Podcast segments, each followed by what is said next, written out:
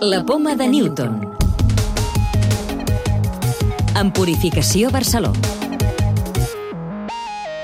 Una APP detecta problemes cardíacs a través de la veu. Serà el tema destacat del programa d'aquesta setmana en el qual també veurem quina és la relació entre consum d'alcohol i càncer i descobrirem una analítica que permet saber si un infectat de Covid-19 acabarà o no a l'UCI.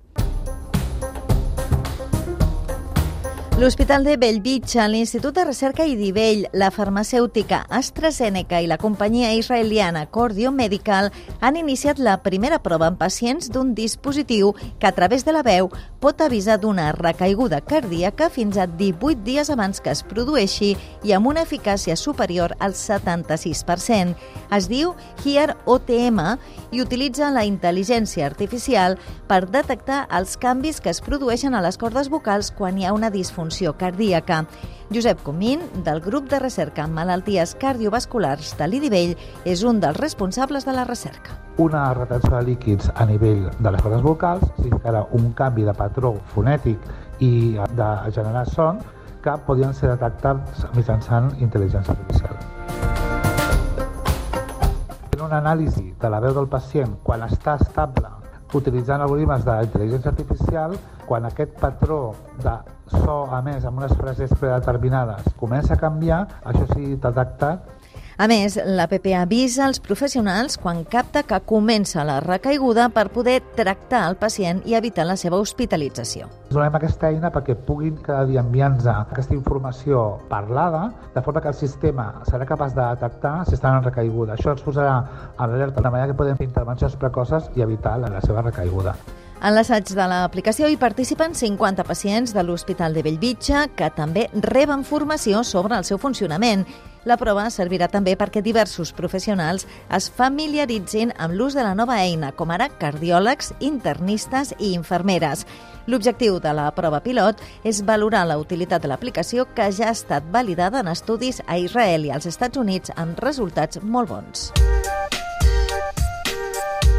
Més coses, fins a una quarta part de tumors poden estar vinculats al consum d'alcohol. De fet, l'alcohol està considerat per l'Agència Internacional de Recerca en Càncer com un carcinogen tipus 1 i no hi ha prou conscienciació social sobre aquest risc.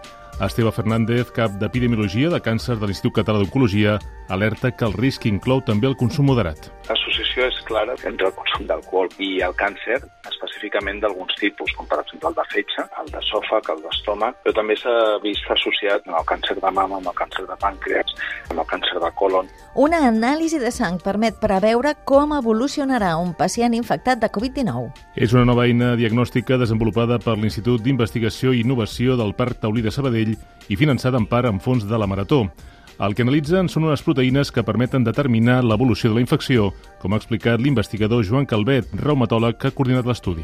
Hem identificat uns biomarcadors en la sang de les persones que pateixen la Covid en forma de pneumònia i que han d'ingressar, que ja en el moment de l'ingrés ens permeten diferenciar si es posaran molt greus i necessitaran mesures de UCI o eh, la passaran d'una forma més lleu les poblacions indígenes de l'Amazones estarien majoritàriament protegides davant la malaltia de Chagas. És el que demostra un estudi en participació catalana de l'Institut de Biologia Evolutiva. Per primer cop han identificat una variant genètica que van adquirir per selecció natural als humans quan habitaven Amèrica abans de l'arribada dels europeus i que redueix el risc d'infecció pel patogen del Chagas.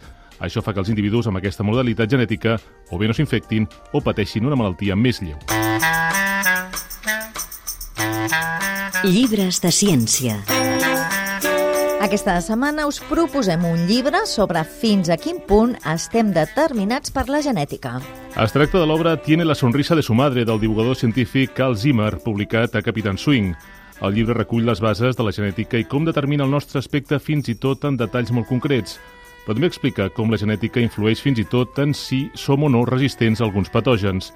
I l'obra de Zimmer va més enllà i també explica com la tecnologia ens ha costat cada cop més el coneixement dels nostres gens i obrir un nou camí a la medicina. També com la manipulació genètica pot comportar problemes ètics. En aquest sentit, el llibre planteja el debat sobre qui som en realitat i què volem transmetre a les generacions futures. La clau de volta. Quines funcions desenvolupen els bacteris del nostre microbioma? Roger Paredes, infectòleg de l'Hospital Germans Trias i Pujol, investigador d'Irsi Caixa. Compleixen funcions essencials. La primera de totes és estimular bé el desenvolupament del sistema immunitari, però alhora també tenen una funció de digestió i metabolisme dels aliments que nosaltres mengem. Hi ha alguns aliments que realment requereixen que els bacteris els, els, els, els metabolitzin perquè nosaltres ens puguem, els puguem absorbir i fer servir. Recordeu que podeu descarregar-vos el podcast de la Poma de Newton o subscriure-us al programa per rebre'l directament als vostres dispositius.